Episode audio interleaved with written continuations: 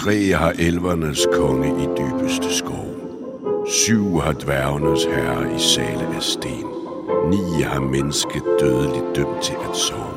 En har den natsorte fyrste for ondskab og men. I Mordos land, hvor skygger rugen. En ring har over dem alle. En ring kan finde de andre. En ring kan bringe dem alle. I mørket længe dem alle.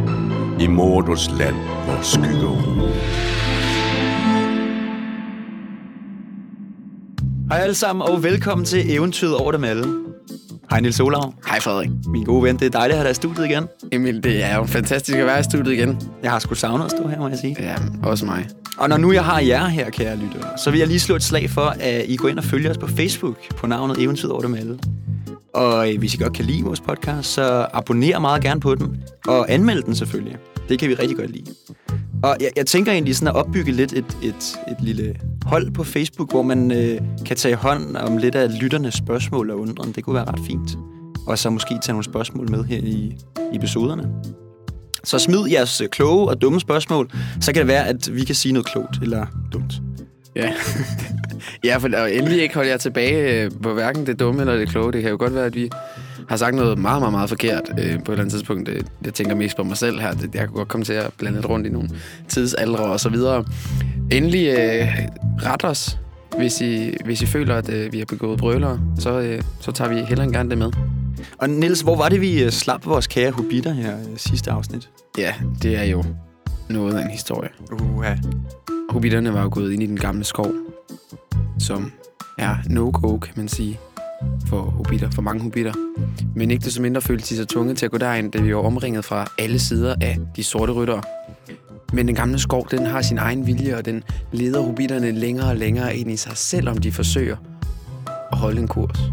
Så de kommer ned til det her vandløb, som efter sine skulle være der, hvor alt den gamle skovs ondskab er samlet. Og det er vist ikke bare noget, man siger, der er noget om snakken. For ret hurtigt kommer hobitterne i, i ufør. De bliver lokket mod træerne af, af en eller anden sang stemme, der er, i, der er i luften. Mary og Pippin bliver fanget i et træ, og Frodo bliver kastet i vandet af en, af en råd. Og Mary og Pippin råber efter hjælp. De bliver knust af træet, og de prøver at brænde træet væk, men det gør bare, at den her spændetrøje af solid, solidt træ maser de her hobitter mere. Så gode råd dyre, hvad skal vi gøre? Frodo er ude af sig selv.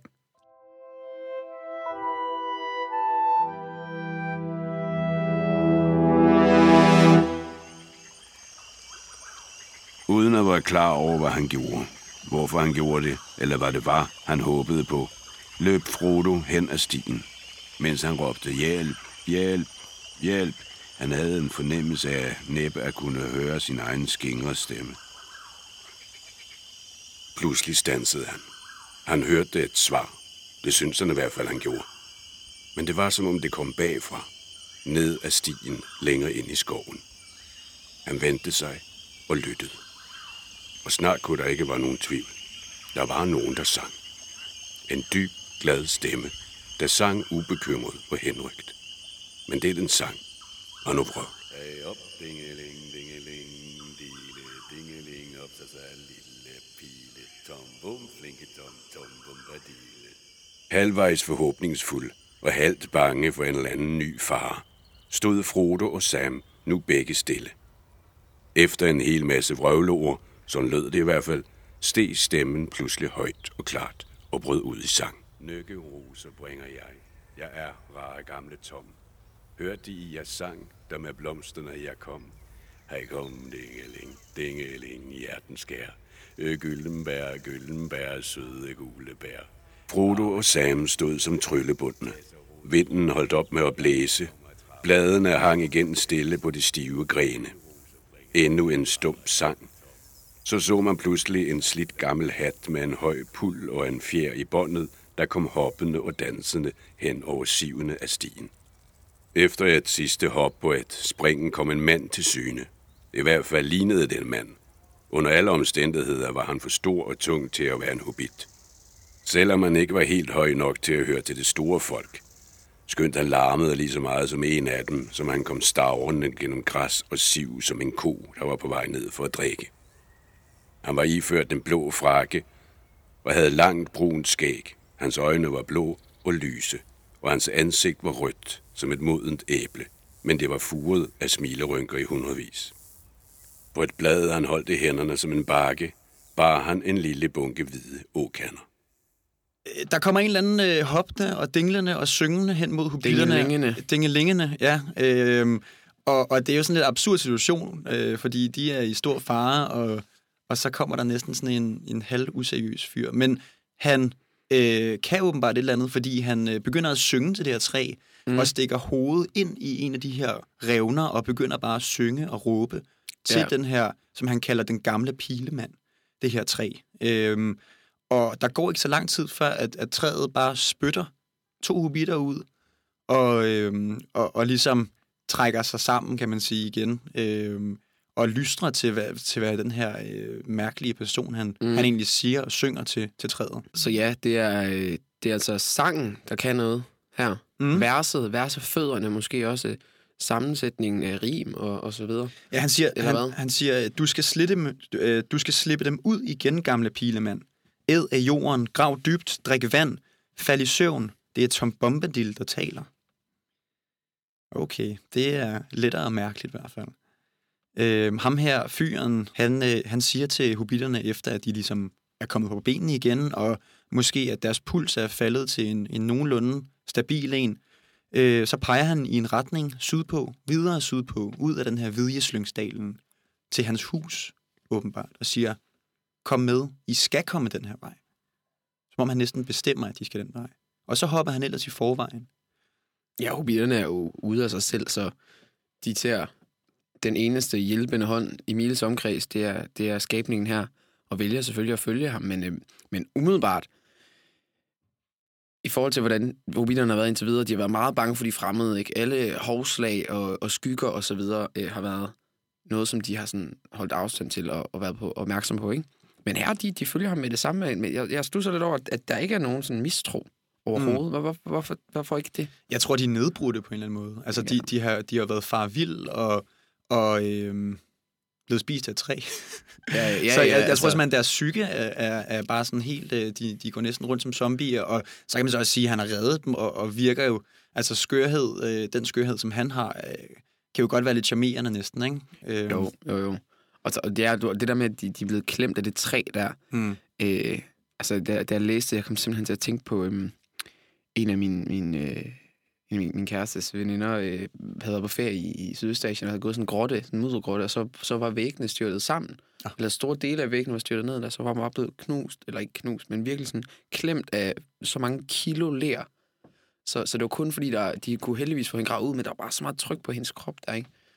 Sindssyg historie. Det var bare det første, jeg tænkte på der. Hvad, hvad, hvordan beskrev hun, at følelsen var? Jamen, at du, at du, at, du, at, he, at du bliver kvalt jo. Mm. Fuldstændig. Uden at det er sådan dit, dit ansigt, der bliver... Men altså, du bare bliver trykket så meget, så, du, så, så, så når du... Hvad skal man sige? Forestil dig ligesom, når du laver yoga, at du så kan gå længere ud, når du... Altså, du bliver mere smidig, når du...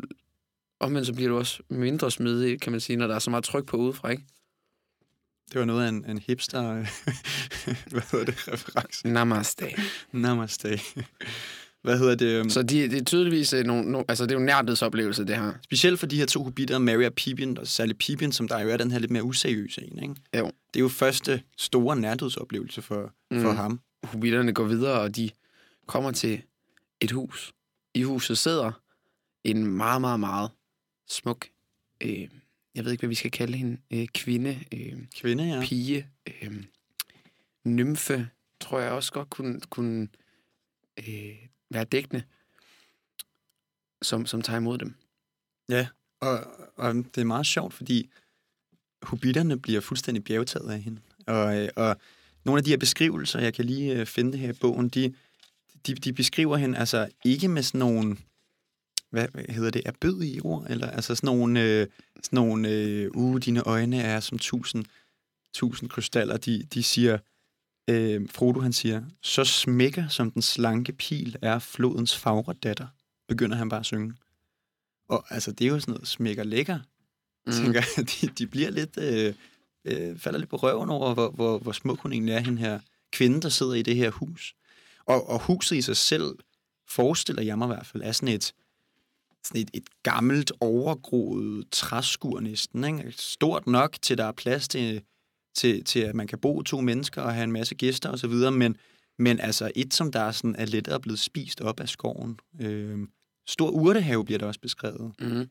De hilser på hende her kvinde, der sidder, og hun bliver beskrevet øh, enormt følsomt og enormt fint. Øh, og, og der er mange af de her beskrivelser, der ligesom ligger sig op til at være vandbeskrivelser. Altså, de, Mm. de siger, at, at hendes, hendes hud lignede morgenduk, og, og, og hun, når hun gik, så lød det som perler, Mm. øh, vandperler, som der klukker, og når hun ler, så lyder det som et lille, sagte vandløb. Hun er en materialisering af, af, af, vand. En, Det- en menneskeliggørelse af, af vand på en eller anden måde. Ja, det bliver hun i hvert fald beskrevet som. Altså, hun beskriver også sig selv som øh, flodens datter, ikke? mm, Gyldenbær. Gyldenberg. Hvorfor hun så hedder det, altså, det forstår jeg ikke. Ja, det er et godt spørgsmål. Altså, på, på, hvad hedder den på, på engelsk? Goldenberry? Ja, det tror jeg. Men øh, hobitterne, hobitterne, de bliver i hvert fald ret, øh, ret bjergtaget af hende. Øhm, og som sagt, Det er også, må jeg lige sige, at ja, de bliver bjergtaget, men det er første gang, vi ser det. Der har ikke været noget med nogen hobbit-kvinder og, øh, og forhold til øh, nogen, eller at man skulle være forelsket i nogen. Og sådan. Det synes jeg er øh, øh, sjovt, at vi mm. Ser det nu. og jeg synes også, det er sjovt, hvis man, hvis man tænker på deres fascination, fordi de har jo set, altså, de har jo også en fascination, fascination af elverne, for eksempel, ikke? Mm. Men det er sådan en, som, som Sam øh, beskrev det for nogle kapitler siden, så er det en, øh, en, en, en følelse af, at de er hævet over hans mening. De er, Mm. mm. Man kan næsten ikke have en mening om dem, fordi at de bare er overjordiske. Ja. Men man må da sige, at hobitterne har en mening omkring Gyldenberg her. Altså, de... Ja, de det, det er da for mærkeligt, når, når hun altså, på alle punkter er vand. mm, Altså, det er da virkelig overnaturligt. Det, det vil jeg da have meget svært ved at have en holdning til. men spørgsmålet er så, om hun bare er vand. Men, Klart. men vi kan da lige øh, tale lidt omkring de her to, altså tale lidt ind i omkring, hvem de her to, det her par er. Altså ham her Tom og hende her Gyldenberg. Og, og det skal siges, før vi begynder på den her snak, at det egentlig har været et ret stort øh, debatpunkt, eller hvad man siger, blandt øh, Tolkien-entusiaster, fordi at det er meget svært at definere, hvem han er.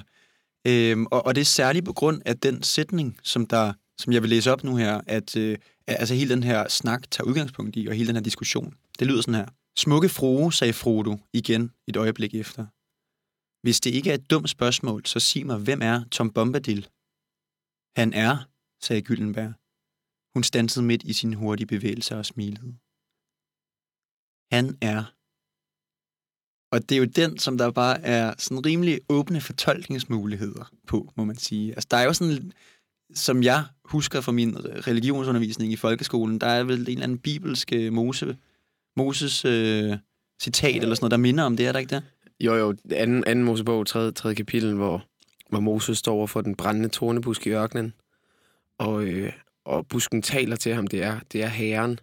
Og, og, og Moses spørger også Gud her, øh, hvem, hvem, altså de, de eksakte ord.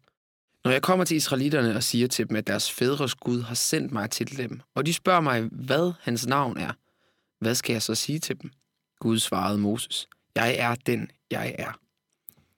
Og det har jo, øh, altså det, det er jo unægteligt øh, noget, der lyder lidt som det, øh, Gyldenberg siger her om, øh, om Tom Bombadil. Jeg Han- er han den, jeg er. Jeg er den, jeg er. Ja. Jeg ved i nogle andre bibeloversættelser, alt efter øh, om det er græsk eller hebraisk osv., så, øh, så, så bliver det oversat til, jeg er, at jeg er. Okay, Og, det og den, den er jo lidt mere åben på en eller anden måde. Jeg er, at jeg er. ikke? Og den, synes, den, den synes jeg bare, den ligger tættere på det her. Ja, fordi der, der, han er, altså som i, hvem er Tom, Tom Bombadil? Han er, Mm. og jeg er, at jeg er.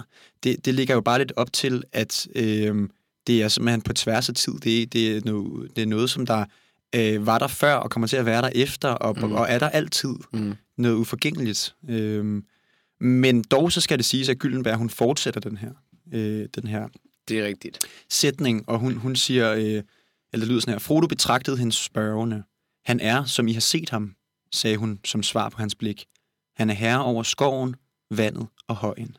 Og det skal jo siges, at, at øh, vores kære Tolkien, han, han lavede jo hele den her religion, og hele den her mytologi, skal det nok siges, øh, eller skal det nok hedde, øh, som vi blandt andet var hurtigt ind på her i det tidligere afsnit, øh, hvor vi mødte de her elvere, der sang om Elbereth, eller Varda, som hun også hedder.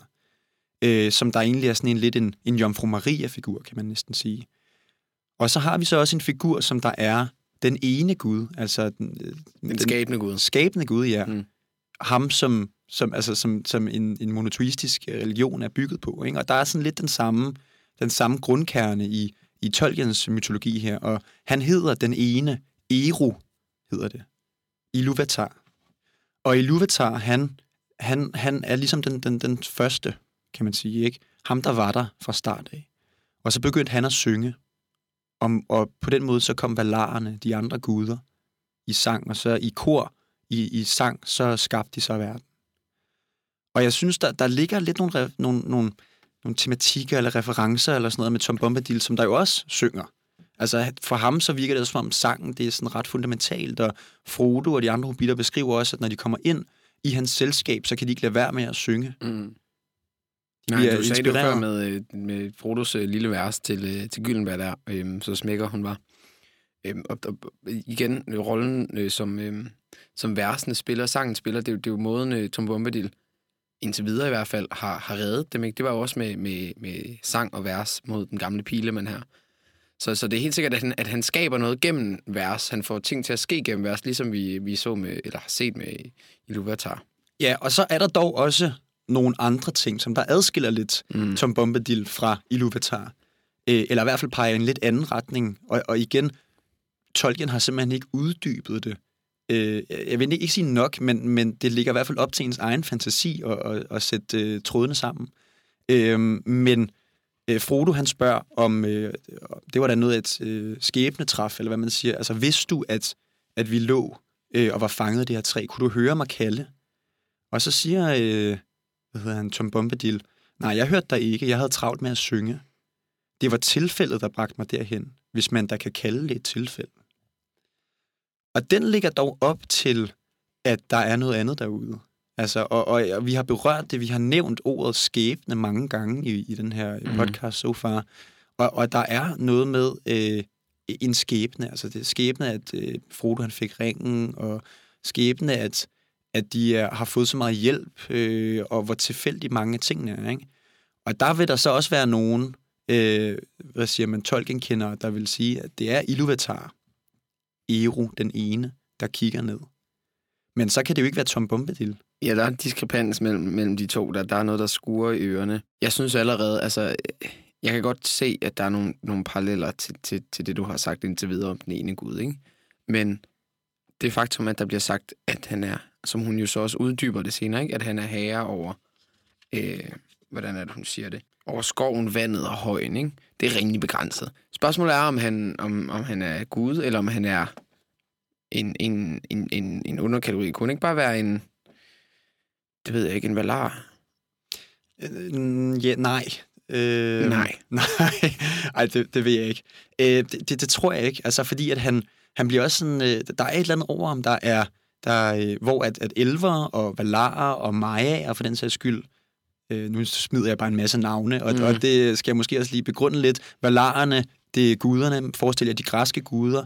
En hel slægt af guder. En helt slægt af guder. sammen, ja, ja. tak.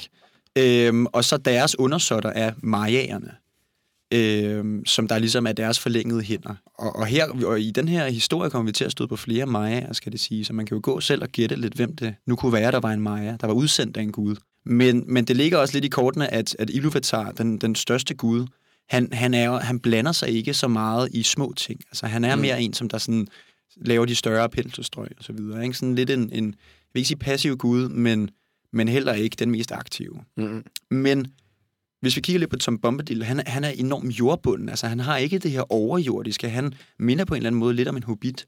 Altså det her med, at han har, han har hænderne i mudderet, kan man sige. Ikke? Øhm, og prøver heller ikke på at være noget andet. Altså han, han er jordbunden, kan man sige. Øh, og, og, det, og det ligger måske lidt op, øh, nu tager jeg den lige færdig her, det ligger måske lidt op til det, som, som Gyllenberg uddyber, når, når de snakker omkring, når hun siger, han er. Fordi så siger hun, han er, som I har set ham. Og det er måske, det, det, det kan man tolke som om, Mm. at, at der er ikke mere i ham. Altså, at det er bare ham. Han er ikke overjordisk, han har ikke en eller anden kontakt til, til noget helt vildt stort. Han står bare der, og han har levet sit liv, og så er han meget gammel, skal det siges. Ikke?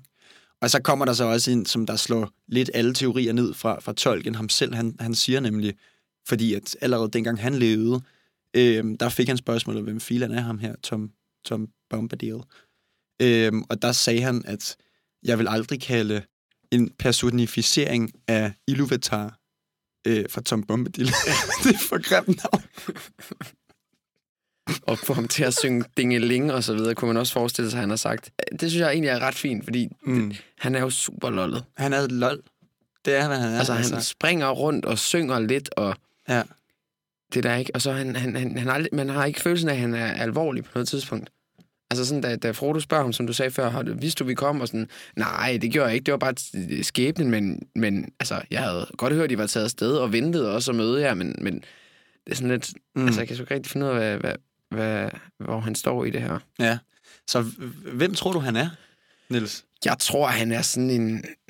en men nu sagde du før, at nej, en Valar, det er han ikke, men og en Maja er det måske også. Altså, hvis det er nogen, der sender ned af guderne Majaerne til, til, til at udføre en, en gerning et eller andet, det kunne man godt forestille sig, at, at der ligesom skulle være en, der skulle holde, holde styr på den her gamle skov, øh, og sørge for, at, det, at den ikke spreder sig med den ondskab, der nu er der, ikke?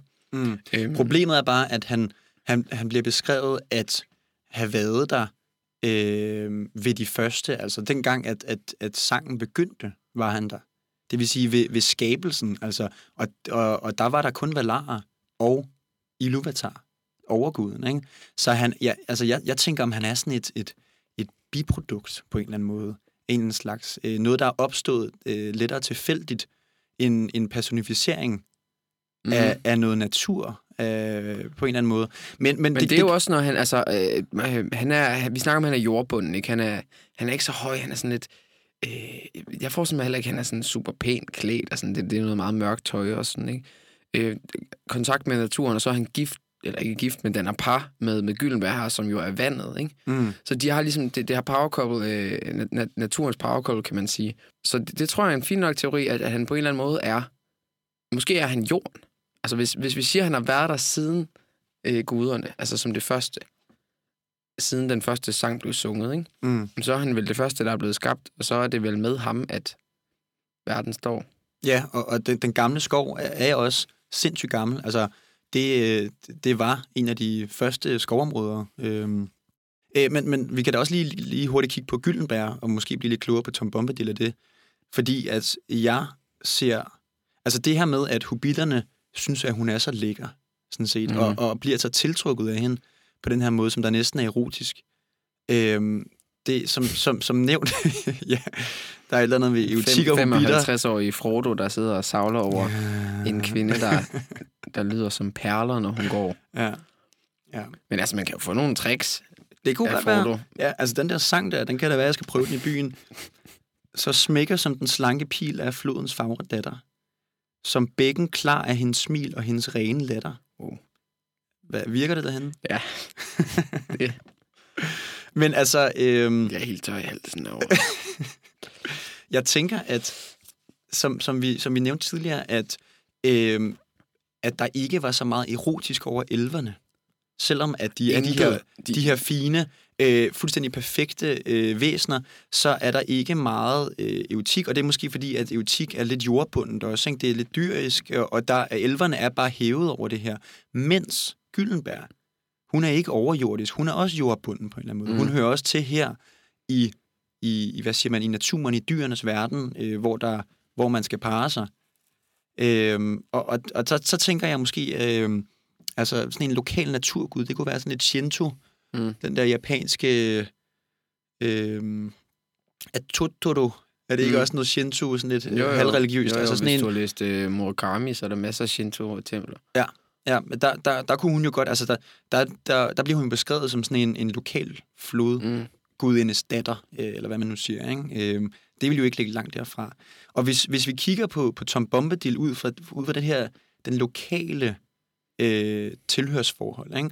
Så, øh, så, så stussede jeg lidt over, at han bliver beskrevet som mester, og, og på engelsk master, mm. af, omkring det her område. Og, og der øh, skal man ikke have haft meget latin i, i første gymnasiet for at vide, at det, det, er jo, det er jo sådan lidt den akademiske magister, altså, altså sådan en, en den akademiske mester øh, som jeg tænker i hvert fald, at den ligger op til. Og det er jo ikke, det er jo ikke kongen, der ejer landet. Det er ikke en, en herremand, som der ligesom ja, ejer noget og påvirker det fysisk, men sådan set en, der mestrer landet. Altså en, der næsten akademisk mestrer landet.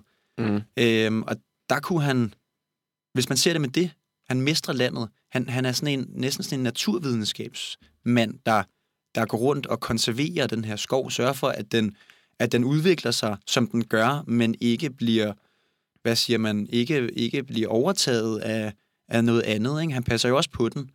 Øh, men altså, hvis han for eksempel hvis han formede naturen, så ville han jo øh, fælde den der gamle pilemand, fordi den spiser jo hans venner. Ja, for man kan sige, hvis han, hvis han var kongen, altså kongen er jo kendetegnet ved, at i hvert fald i et, øh, i et øh, middelalderligt samfund og tidlig moderne tid, som ham, der straffer mål- voldsmonopol og så videre. Hvis du har voldsmonopol, så fælder du bare den gamle pilemand, ikke? Det gør han ikke.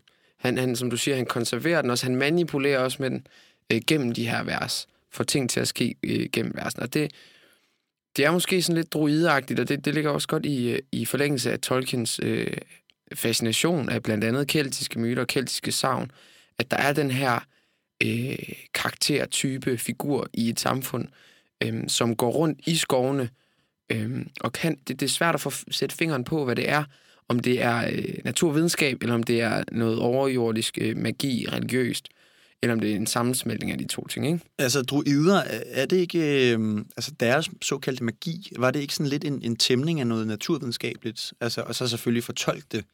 Øh, men, men hvis man, hvis man kigger på øh, deres, deres kunstart, øh, eller hvad man nu kan navngive det, så, øh, så var det jo måske en tid, hvor at man ikke adskilte magi og naturvidenskab. Og det, det er jo egentlig ikke så lang tid siden, at vi, vi begyndte at adskille de her to ting. Altså i, i, i gammel tid, altså jeg tænker også noget med, øh, dengang man prøvede at lave guld, øh, hvad er det, de hedder? Øh, Alkymister. alkymister, der var der jo også noget, noget magisnak henover, ikke?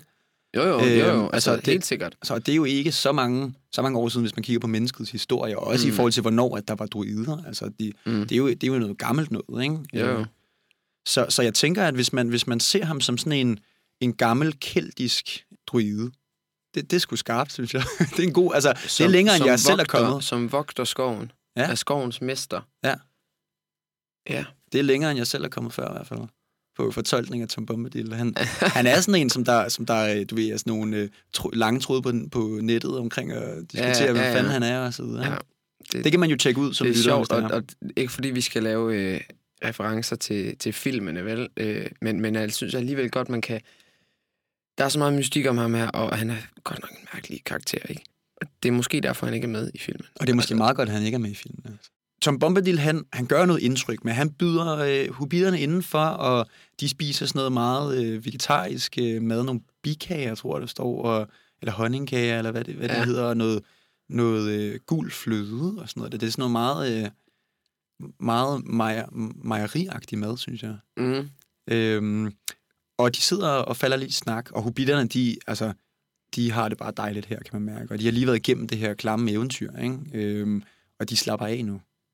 Og Tom Bombadil, han sidder og fortæller historier, lokale historier omkring det her område, og der, der er jo sket ret meget, og det er et gammelt område. Og så spørger Tom Bombadil helt sådan, kan I ikke holde på sig selv? Vis mig den kostelige ring, sagde han pludselig midt i historien. Og til sin egen forbløffelse trak Frodo den ud af kæden i sin lomme, og da han havde løsnet den, rakte han den med det samme til Tom. Tom Bombadil, han øh, tager ringen på sin finger. Og det er jo noget, vi ikke har set siden Bilbos fødselsdag. Og reaktionen er faktisk øh, den samme forbløffelse. Men øh, ved Bilbos øh, fødselsdag, der var det jo forbløffelse over, at manden, hobbiten, skal vi kalde ham, forsvandt. Her er det en forbløffelse over, at der absolut ingenting sker. Så den ring, som alle er fuldstændig overbevist om, er magisk og magtfuld og sådan noget, den har, så vidt vi kan se, ikke nogen indflydelse på Tom Bombadil. Og det bekræfter jo, at, at der, at det ikke bare er en, et normalt øh, menneske, normalt skabning, vi har med at gøre her. Men noget mere end det, ikke? Mm. Så, så hvis man prøver at kigge lidt på, på ringens magt, altså, den, han er over ringen. Altså, han, altså spørgsmålet er, hvis vi Ja. kigger på sådan en, en, en gud, altså en valar, hvis, hvis en val- valar fik ringen, så, så tror jeg måske heller ikke, der vil ske så meget faktisk, fordi øh, vi kan godt afsløre, at, at Sauron og hele det univers, øh, eller hele det level, man måske kan sige, at ringen er blevet skabt på, det er en Maya. Sauron er en Maya. Han er en undersåt af en gud, som der er gone mental. Øh, så spørgsmålet er, hvis nu, at man går et level op og giver den til en rigtig gud, ikke bare en halvgud, så øh, hvor, hvor, hvor påvirket vil de blive ved det? Er de ikke over den magt? Og det kan man så sige, det, det kategoriserer jo Tom Bombadil som noget over end bare en, en normal håndlanger. Men, mm. men Bombadil, han, han kaster, han klinger ringen op i, øh, i, i luften og griber den igen og giver den til Frodo. Og Frodo, han er sådan lidt benået over, eller hvad siger man, han er lidt muggen over, at Tom Bombadil, han, han har magt over den her ring. Altså ja, der er en anden jalousi eller, eller utilfredshed over det, der lige er sket. Øh, mistro, tror jeg også. Øh, at, at, at, den her, at den her mand skulle kunne tage den her ring på så let. Øh, Frodo har fået indprintet, at han skal passe på den, ikke? Og, han, og han ikke må tage den på for alt i verden, og så videre. Og så er der så den her lalleglade type, der bare sådan gør det ud af det blå. Og det vækker jo noget trods i Frodo, der simpelthen vælger at tage ringen på selv, mens de andre de, øh, de kigger væk og er faldet i snak over noget andet. Så, så havde han ellers tænkt sig at lave en god point på dem og gå, gå lidt rundt omkring der, men, men det bliver stoppet, skal jeg ellers lige love for. Ja, fordi Tom Bombadil, han, han vender sig bare om og kigger direkte på Frodo, som der er inde i åndeverdenen og er usynlig med den her ring på. Og så siger han, Halløj der, dingeling, dingelong. Se at komme ud derfra. Jeg kan godt se dig. Hvem tror du, du er? Lige præcis. Så Måske ikke præcis de ord, men Nej, sådan noget men, lignende, ikke? In the spirit of Tom Bombadil, så synes jeg, det er okay, du smider dingeling eller dingelong bagpå. Tak, tak. Jeg tror, jeg, tror jeg, jeg, jeg har en lille teori om, han har bare skrevet ham ind for at, for at have sådan en, en gimmick. Mm. Han er lidt en gimmick også, ikke? Jo. Som, altså, så vidt jeg husker, så kommer vi ikke til at se så meget til ham igen umiddelbart. Og så tænkte hvorfor skal der være et par kapitler her, der handler om ham? Han er, han er jo en, som der trækker lidt i trådene i baggrunden.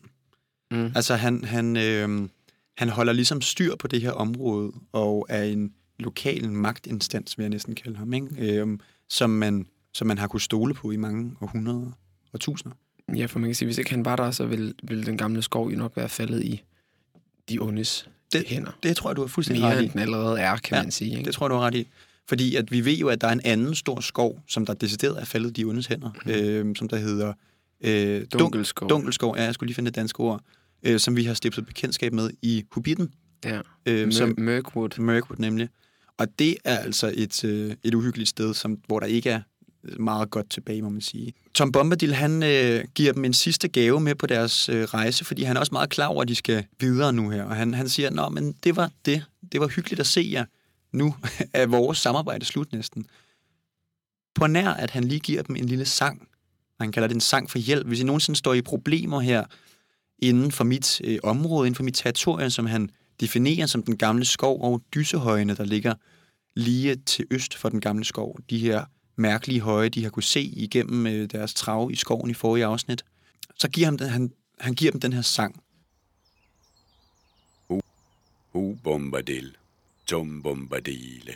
Ved vand, ved træ og bakke, rør og pile. Ved ilden, sol og måne, du må lytte. Kom, tom bombadil, og vær til nytte. Og med den sang under armen, der tager de afsted og vandrer østpå væk fra huset, og væk fra Gyldenberg, som de er meget ked af, at sige farvel til. Det kan man godt forstå. Ja, den smækker.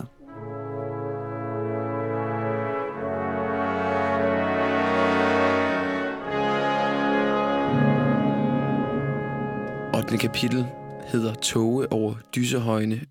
De fire hobitter har forladt Tom Bombadil med en bøn med et hjælpevers i lommen, og nu bevæget sig væk fra skoven mod de her høje, som de skal forbi for at komme øh, videre på deres færd. Og det går egentlig rimelig godt. Her i starten, vejret er dejligt. Øh, de er i godt humør. Det var, det var et dejligt break, de fik, kan man sige, hos, hos Tom Bombadil her. Øh, og foran dem ligger de her øh, høje, som de har set tidligere, da de var oppe på et højt drag et andet sted i skoven, med de her bagtasten, øh, gravsten ovenpå sig. Og hubitterne, de træsker afsted, og, og solen skinner, som sagt, og de kigger tilbage mod skoven, øh, der bliver mindre og mindre bag dem, og, og kan ligesom se sådan en tung, tung tåge, der ligger og flyder ud af den her skov, næsten som en, en mælkehvid øh, substans. Øh, og, og de går i de her bakkede landskab, og, og så sætter de sig ned ved sådan en, en, en kæmpe bautasten, der er på toppen af en ret høj bakke, øh, for at spise frokost. Øh, og vi kender jo vores kære hobitter. Øh, de spiser sig rigtig tykke i, øh, i Tom Bombadils øh, lækre øh, honningkager, og, øh, og drikker noget fløde, og, og er lidt fed, fedladende, og falder i søvn selvfølgelig. I, øh, I den varme sol op ad den her varme bagtesten. Og der går noget tid, så vågner Frodo op, kold ind til benet. Og der er helt mørkt og diset, og den her tåge, der flød ud af skoven, den har bevæget sig hen mod dysehøjene, og det her lettere golde landskab. Og de er jo oppe på den her bakke med en kæmpe øh, obelisk-sten, kan man næsten sige, i, øh, i midten.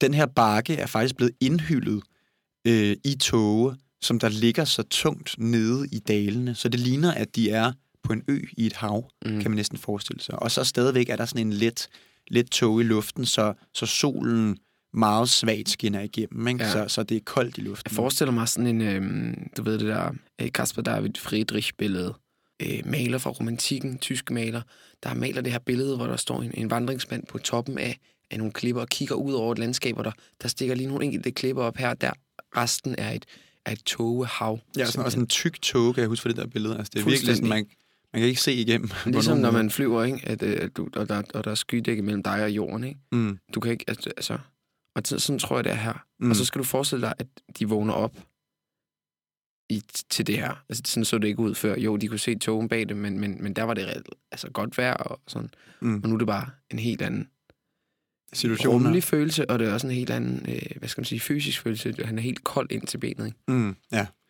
Og, øhm, og de, de skal ud af Nordporten, som det hedder af Dysehøjene her, og, øh, og prøver ligesom at orientere sig i forhold til den her svage sol, de kan se gennem disen. Øh, Hvad er de, de er kommet fra sådan sydvest, ikke? Øh, jo, sydvest, ja. Og, øh, og så skal de ind og finde den her, øh, man kan næsten sige sådan en dal i midten, mm. øh, som der er øh, en dal, hvor der er mange grave. Altså det er et gravområde, de kommer ind mm. i. Øh, gamle gravhøje og og så videre, øh, og små monumenter. Og, og man kan man sige, det er jo, det er jo lidt et nedslående øh, ting at vågne op til den her, den her tåge og kulde. Øh, men for ligesom at holde tropperne samlet, så besluttede de sig for at gå i gåsegang med deres ponyer øh, nordpå. Og, øh, og Frodo han går forrest, og så øh, har vi ellers de tre andre hobitter bag sig. Og øh, efter en del tid øh, og en del traven, så pludselig så kan Frodo ligesom spotte, at der er en kontur af noget ude igennem togen. Og han tænker jo selvfølgelig som opløftende tankegang, han, han nu har som hobbit, at det må være Nordporten, fordi de har trods alt gået i mange timer nu her. Så han sætter tempoet op, og han begynder øh, virkelig at, at råbe til de andre, kom, lad os skynde os. Og, øh, og med sin hest i hånden, så, øh, så træsker han ellers afsted. Han kommer frem og ser, at det ikke er Nordporten, men det er en kæmpestor dyse, altså et gravsted. Og det, han troede var en porn, det er simpelthen tre bautasten, der er stablet oven på hinanden, øh, som, en, som en indgang til det her sted. Og der er helt sort derinde, og det ligner ikke et sted, man har lyst til at gå ind i. Han vender sig om for ligesom at rådgive sig med, med sine venner, men hans venner er væk nu her. Han har kommet til at løbe fra dem i sin iver. Og det lyder sådan her. Hvor er, Hvor er I? råbte Frodo fortvivlet. Der kom intet svar. Han blev stående og lyttede. Han blev pludselig klar over, at det var ved at blive meget koldt, og at vinden var begyndt at blæse heroppe. Været var ved at slå om. Togen sejlede nu forbi ham i små læsede stykker. Hans ånde stod som en sky ud af munden på ham. Mørket var mindre nærved og mindre tæt. Han kiggede op og så til sin forbavselse – at de blege stjerner var ved at tændes over hans hoved midt i blandt de små stumper og hastigt blæsende skyer og tåge. Vinden begyndte at visle i græsset, og pludselig mente han at opfatte et dæmpet skrig. Han gik hen imod det, og mens han gik, rullede togen til side, og himlen var klar og fuld af stjerner. Et enkelt blik var tilstrækkeligt til at vise ham, at han nu stod med ansigtet mod syd på en rund bakketop som han måtte have bestedet for nordsiden. Fra øst blæste den bidende vind. På hans højre hånd knejsede noget mørkt og sort mod stjernerne. Der lå en stor dyse. Han kiggede op og så til sin forbavselse, at de blege stjerner var ved at tændes over hans hoved midt i blandt de små stumper af hastigt blæsende skyer og tåge. Hvor er I? råbte han igen både vred og bange. Her, svarede en dyb kold stemme, der til kom fra jorden. Jeg venter på dig. Nej, så Frodo, men han løb ikke sin vej. Hans knæ gav efter, og han sank sammen på jorden. Der skete ingenting, og ikke en lyd var at høre. Skælvende løftede han blikket og fik øje på en høj mørk skikkelse, der tegnede sig som en skygge mod stjernerne. Den bøjede sig over ham. Det forekom ham, at den havde to meget kolde øjne. Det lyste med et mat skær, der syntes at komme langvejs fra. Så følte han et greb, der var stærkere og koldere end jern. Ja, Den isende berøring fik hans knogler til at fryse til Jeg- stod så over, at han kom op og kigger mod Så syd. huskede han ikke han mere. besteget bakken fra nordsiden. Ja. De har jo, de har jo totalt, de er jo totalt rundt forvirret. Altså, de skal mod nord, og så er han gået op ad en bakke fra nord. Ja, han går den forkerte vej. Men, men altså, der er flere ting i det her, ikke? Fordi de har fået videre til bombarderen, at de skal gå vest om alle de her dyser. Og det gør de ikke. De, går den forkerte vej, ikke? Mm. Altså, de er simpelthen... Jeg, jeg, synes bare, de er dumme, altså. Ja, de er lidt selv udenom det nogle gange.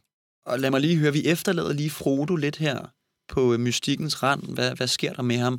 For lige at vende hurtigt, hvad det er for et område, det her. Ja.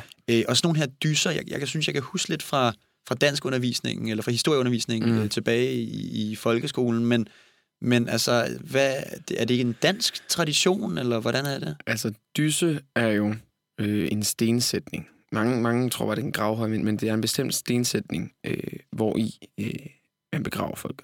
Det ligger også typisk på en høj, men det er ikke selve højen, der er en dyse. Altså, det er derfor, en dysehøj er en høj, hvor en dyse ligger på. En stendyse kalder man det også. Der er også det på dansk, der hedder jættestuer, som er en større stendyse, hvor flere mennesker kan ligge begravet. Men altså, grundlæggende så går det helt tilbage til øh, altså, tidlig sten eller neolitikum, øh, som metoder at begrave folk.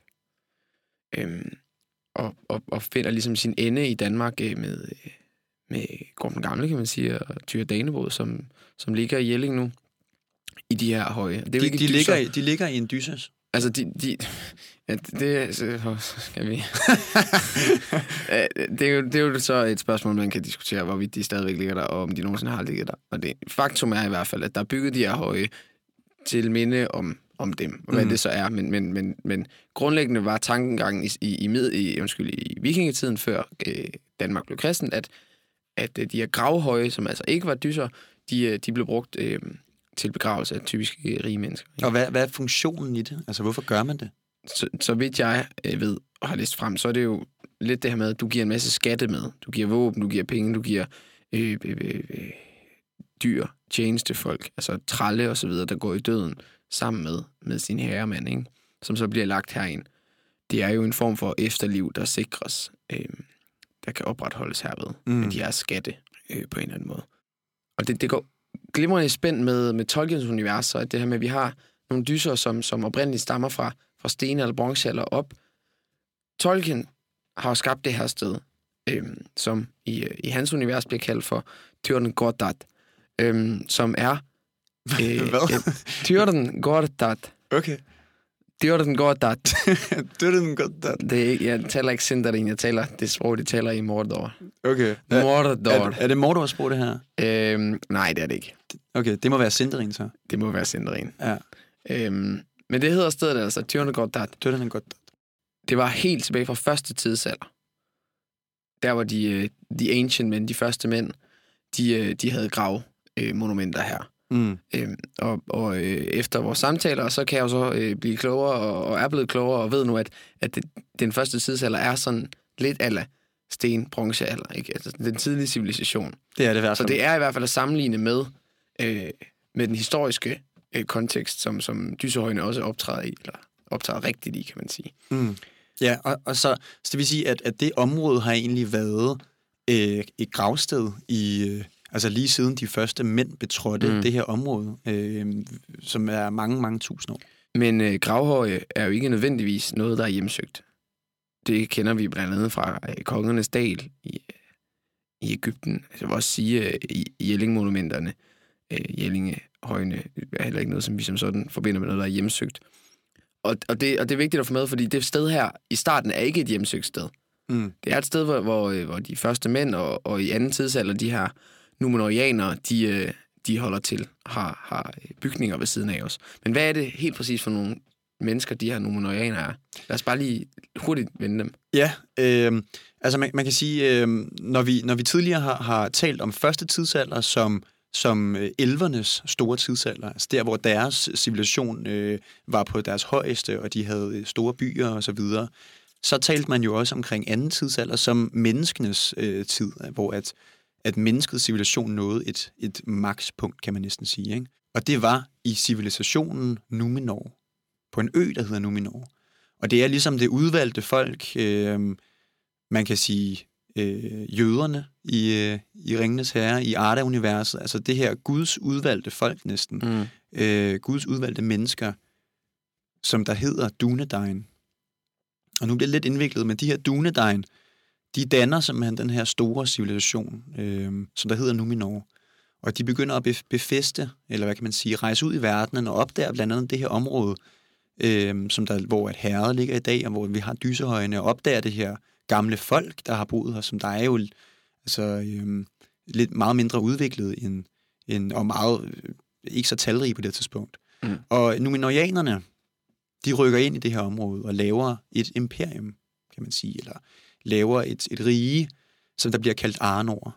Og inspireret fra de her gamle lokale øh, mennesker øh, øh, fra, fra, den, fra, de, fra den første tidsalder, så bruger de også dysehøjene, altså det her område, som der har været en tidligere gravplads, til, til deres gravplads. Altså de, de laver deres kongernes dal, kan man sige, i, det her område, øhm, og, og øh, laver kæmpe monumenter, øhm, og, og, sådan nogle, altså, og samler de her øh, store bautasten. Øhm, stille og roligt, så begynder de ondes magt dog at, øh, at rykke ind på Arnor, det her rige op i nord. Og, øh, og det, det er faktisk sådan, at Sauron, den store fjende, der smed den ene ring, han har ligesom en general, kan man sige, en herrefører, der hedder Heksekongen. Og Heksekongen, han har en fæstning op nord for Arnor, op i et land, der hedder Angmar. Og det er også derfor, han bliver kaldt Heksekongen i Angmar. I fæstningen Karn Doom, der sidder han og planlægger sin angreb ud på Arnor kongeriget, og han får faktisk øh, starter med det østlige Rodauer, som det hedder. Det falder. Og stille og roligt, så bliver det mere og mere trængt for det her kongerige øh, Arnor. Og det ender simpelthen med, at de sidste, der er tilbage, de bliver nødt til at trække sig simpelthen ind i deres eget gravsted. De bliver simpelthen nødt til at trække sig tilbage fra deres byer ind i dysehøjene. Og, og jeg synes, det er meget, meget sådan øh, smukt og symbolsk, det her med, at det er det simpelthen det sidste sted, de bliver nødt til at flygte ind i deres forfædres gravhøje for at, at overleve den her øh, trussel udefra, det her mørke. Og her holder de faktisk stand i, i lang, lang tid, og de er også i den gamle skov, og de bruger, øh, kan jeg forestille mig, naturen Mm. øh, altså til at lave næsten sådan noget guerillakrig. Øh, så det er enormt svært for, for de onde magter at gøre noget ved dem her, der bare, der bare har trukket sig tilbage til det her barske land, som der er den gamle skov og dysehøjne. Og nu er der jo blevet kastet en del navne på banen, og det kan endda være lidt kompliceret, når man kun hører det, og ikke engang ser det. Så hvis vi lige opridser igen, det udvalgte folk, Dunedain. Edain, det betyder mennesker, og Dun, det betyder fra vest. Så det er menneskerne fra vest. Det udvalgte folk. De laver det her imperie, der hedder Numenor, som der er i den anden tidsalder. Så udvider de deres imperie og laver Arnor, som der er det her nordlige, den, det nordlige rige, kan man sige. Og, øhm, og efter at, at Arnor det falder, og de, de brudstykkerne begynder at falde, så har vi kun en kerne tilbage, som der hedder Cardolan. Og Cardolan, de bor i de her dysehøje, og holder, holder sådan set heksekongen og hans, hans øh, mørke tropper på afstand og for, formoder at kæmpe dem, så de kan simpelthen ikke overtage det her sted. Men fordi at de er koncentreret i sådan et lille område, så udbryder der pest i, hos Cardolan. Og, og det får sådan set bugt med dem. Så nu er der ikke øh, nogen levende tilbage ved Dysehøjen længere. Øh, men det er ikke straf nok i sig selv, kan man sige. Øh, der er mere ondt blod mellem heksekongen og det udvalgte folk, menneskene fra vest. Så øh, heksekongen fra Angmar, han vælger at sende en masse ånder, onde ånder ind over det her område. Det som i nogle engelske oversættelser, oversættelser kaldes for Barrow Whites. Andre steder kaldes de for Karen Wraiths. Altså det her Wraith, det her, det her ord, øhm, som vi i bogen bliver det kaldt for dysegest. Karen Wraith, det er en. Øhm, det er måske lidt, lidt, lidt misvisende, fordi hvis du tager ordet Wraith og, og, og slår det op i en angelsaksisk, øh, old-angelsaksisk ordbog, han har sagt, så kommer det af det ord, der hedder Wrath. W-R-O-T-H. Øhm, og wrath er den samme råd, sprogråd, som det danske ord for vrede. Så det her, det er altså en, en vred eller en aggressiv genganger.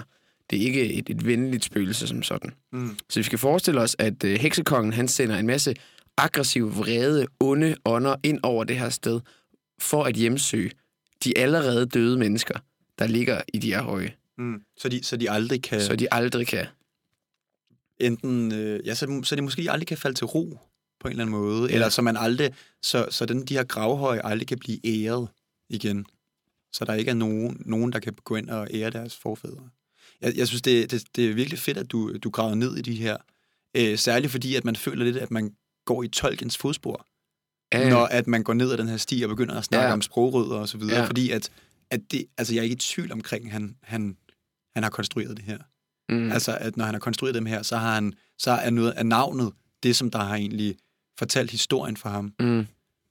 Det er navnet, som der har, øhm, som der har ligesom har dannet den karakter, den her vrede ånd. Ja, det tror jeg, du har ret i. Mm. Så det er altså øh, det, det er dem, måske, øh, må vi gå ud fra i hvert fald, som, som kalder på Frodo nede fra, øh, fra graven, han har sagt.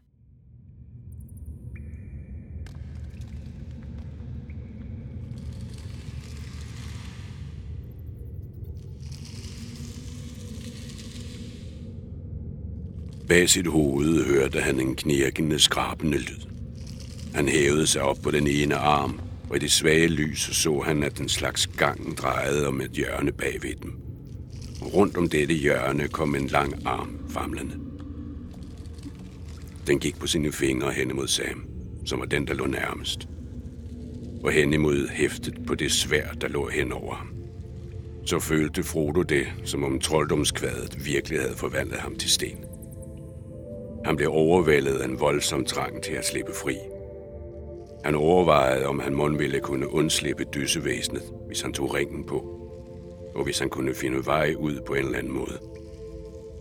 Han tænkte på, hvordan han ville løbe hen over græsset, mens han sørgede over Mary, Sam og Pippin, mens han selv var fri og i live. Gandalf fik i ham ret i, at der ikke havde været andet at gøre. Men nu var det mod, der var vågnet til live i ham, blevet alt for stærkt. Så let kunne han ikke forlade sine venner. Han rodede og famlede i sin lomme. Så kæmpede han igen med sig selv, og mens alt dette stod på, kom armen krybende nærmere. Pludselig modnedes beslutningen i ham. Og han greb et kort svær, som lå ved siden af ham. Og knælende bøjede han sig over sine venners skikkelser. Af al magt huggede han den kravlende arm over ved håndledet, og den brækkede af. Men i det samme øjeblik flækkede sværet op til hæftet, uh, det er Der lød en meget. vin. Et såret dyr, der ligger og lyset i mørket, forsvandt. der, der har fået hugget sin arm af. Ja. I mørket hørte det han en knurrende lyd. Men, Det- men Frodo ikke? Frodo er den, der er vågen. Ja. De andre er bukket under. Ja, men det er jo også sjovt, det hans, hans lille, skulle jeg, skulle jeg flygte? Og han, han, det her med, at han siger, han tænkte på, hvordan han ville løbe frit hen over græsset, mens han sørgede over Mary, Sam og Pippin. Mens Ja. han selv var fri og i live. Gandalf vil give ham ret i, at det ikke, at der ikke havde været andet at gøre. Det er, sgu, det er en meget sjov... Åh, det er øh, fedt, mand. det er nemlig super fedt, at man kan forestille sig det her dilemma, som, som alle normale individer vil have ved at ligge i sin her situation. Bliver jeg nødt til at forlade mine venner nu her, bare for at jeg selv overlever? Det er vildt nok, men Men hvad er det at- så, der gør, at han ikke løber? Han, han, fordi han, igen laver han den der, hvad vil Gandalf sige? Ja, Og Gandalf vil nok sige, at det var okay. ja han, han, øh, han, det er i hvert fald, som du har beskrevet tidligere, den, den gode engel på skulderen og den onde engel på Ja. skulderen. Ikke? Altså, og, så, og, så, og, jeg, og man er jo ikke i tvivl omkring, hvad ringen ville have, have han skulle gøre. Det var jo at skride. Altså, Ja, ja. Ringen, ringen vil jo ringen gør, sørge for, at ens øh, ego vokser, kan man sige. Ikke? Men jeg tror altså, at hobitterne har en eller anden en, en modighed, der ligger gemt i selv den mindste hobbit. Øhm, og, og, og det er ligesom den, der vokser ind i ham. Den heldemodige Frodo overgår altså sin rationalitet, kan man sige, der siger, at han skal flygte, og Gandalf vil også sætte pris på det. Han, han griber sværet, hugger hånden af væsenet, der trækker sig tilbage. Den her tilbagetrækning giver Frodo tid til at kigge sig rundt i øh, lokalet, kan man sige, i højen her, hvor han ser sine tre følgesvende, sine tre venner ligge lige blege i ansigtet. Men de har ikke deres øh, normale tøj på, de er blevet afklædt og er blevet iklædt i stedet det, som man nok vil kalde for en ligedragt. Fuldstændig hvide klæder, der matcher deres øh, hudfarve, og det er så det syn, som, som kommer Frodo i møde. Men truslen er der jo stadigvæk. Det knorrende dyr, væsen, dysegæst, vrede, gengang og vrede ånd, venter i hjørnet i mørket, og det er så i det øjeblik, at Frodo kommer i tanke om bønden. U Bombadil, Tom Bombadile. Ved vand, ved træ og bakke, rør og pile. Ved ilden, sol og måne. Hu Bombadil, Tom Bombadile. Ved vand, ved træ og bakke, rør og Når han pile. begynder at synge den her sang, så ilden, sol pludselig så ser han, at der er noget, der bevæger sig i hjørnet og kommer tættere og tættere på ham. Det går langsomt, Og vær til nytte. og han får mere og mere mod til at synge den her sang, men han kan også se sin skæbne komme imod ham. Og pludselig, så hører han noget langt borte, som om at det kommer nede fra under jorden. Så hører han Tom Bombadils stemme.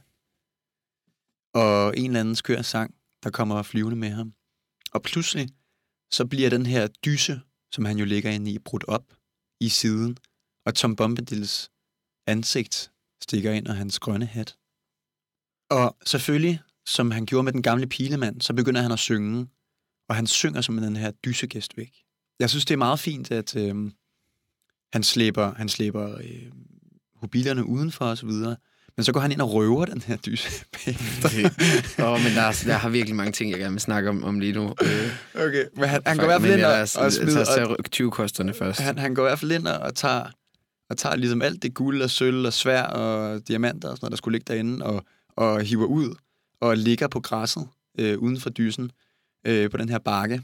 Det er ligesom sådan en viking, der plyndrer et kloster. Ja, ja det er rigtigt. Det, det er vildt nok, synes jeg. Det, det er ret vildt. Øh, der er også lige en lille sjov øh, ting her. Øh, det er som om, at Mary han er, han er forhekset, når han kommer ud.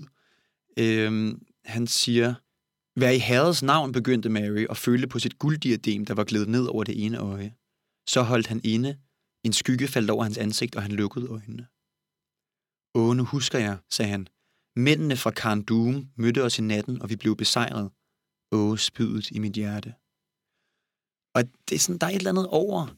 Det er, sådan, det er lidt random, det her, ikke? det han siger. Altså, for det første, fordi han ikke ved, hvad Karn Doom er. Som vi jo ved, det er jo heksekongens slot op i Angmar. Ja. Og jeg tænker, at han på en eller anden måde er kommet ind i hovedet på en af de her gamle Cardolan-soldater, dem her, der har været holdt op inde i dysehøjene, Mm og har, og har, har ligesom set for sig, hvordan han døde. Og det, det er derfor, han siger, at det her, åh, spydet i mit hjerte, jeg kan mærke den. Altså, han er på en eller anden måde blevet forhekset ind i et af de her gamle skeletter, eller genfærd, der nok ligger i den her dyse. Og de er nu kommet ud af dyserne her. Tom Bombadil leder dem på vejen, så de ikke skulle finde på unoder og falde tilbage i en anden øh, ånds dyse.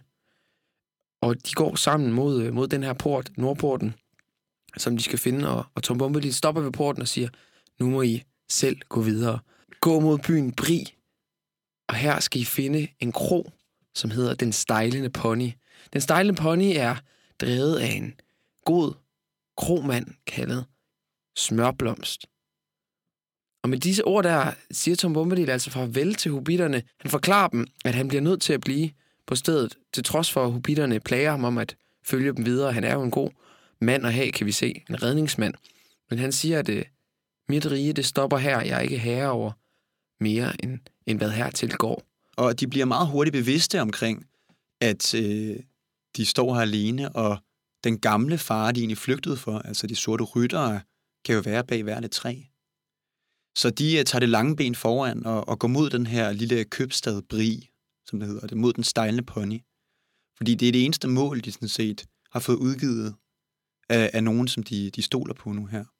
Og dagens afsnit og, og kapitlet, det slutter egentlig med, med Frodos ord til sine venner, mens de går mod den her by. Han siger, for Guds skyld så husk nu at glem navnet sikker og kald mig nederhøj.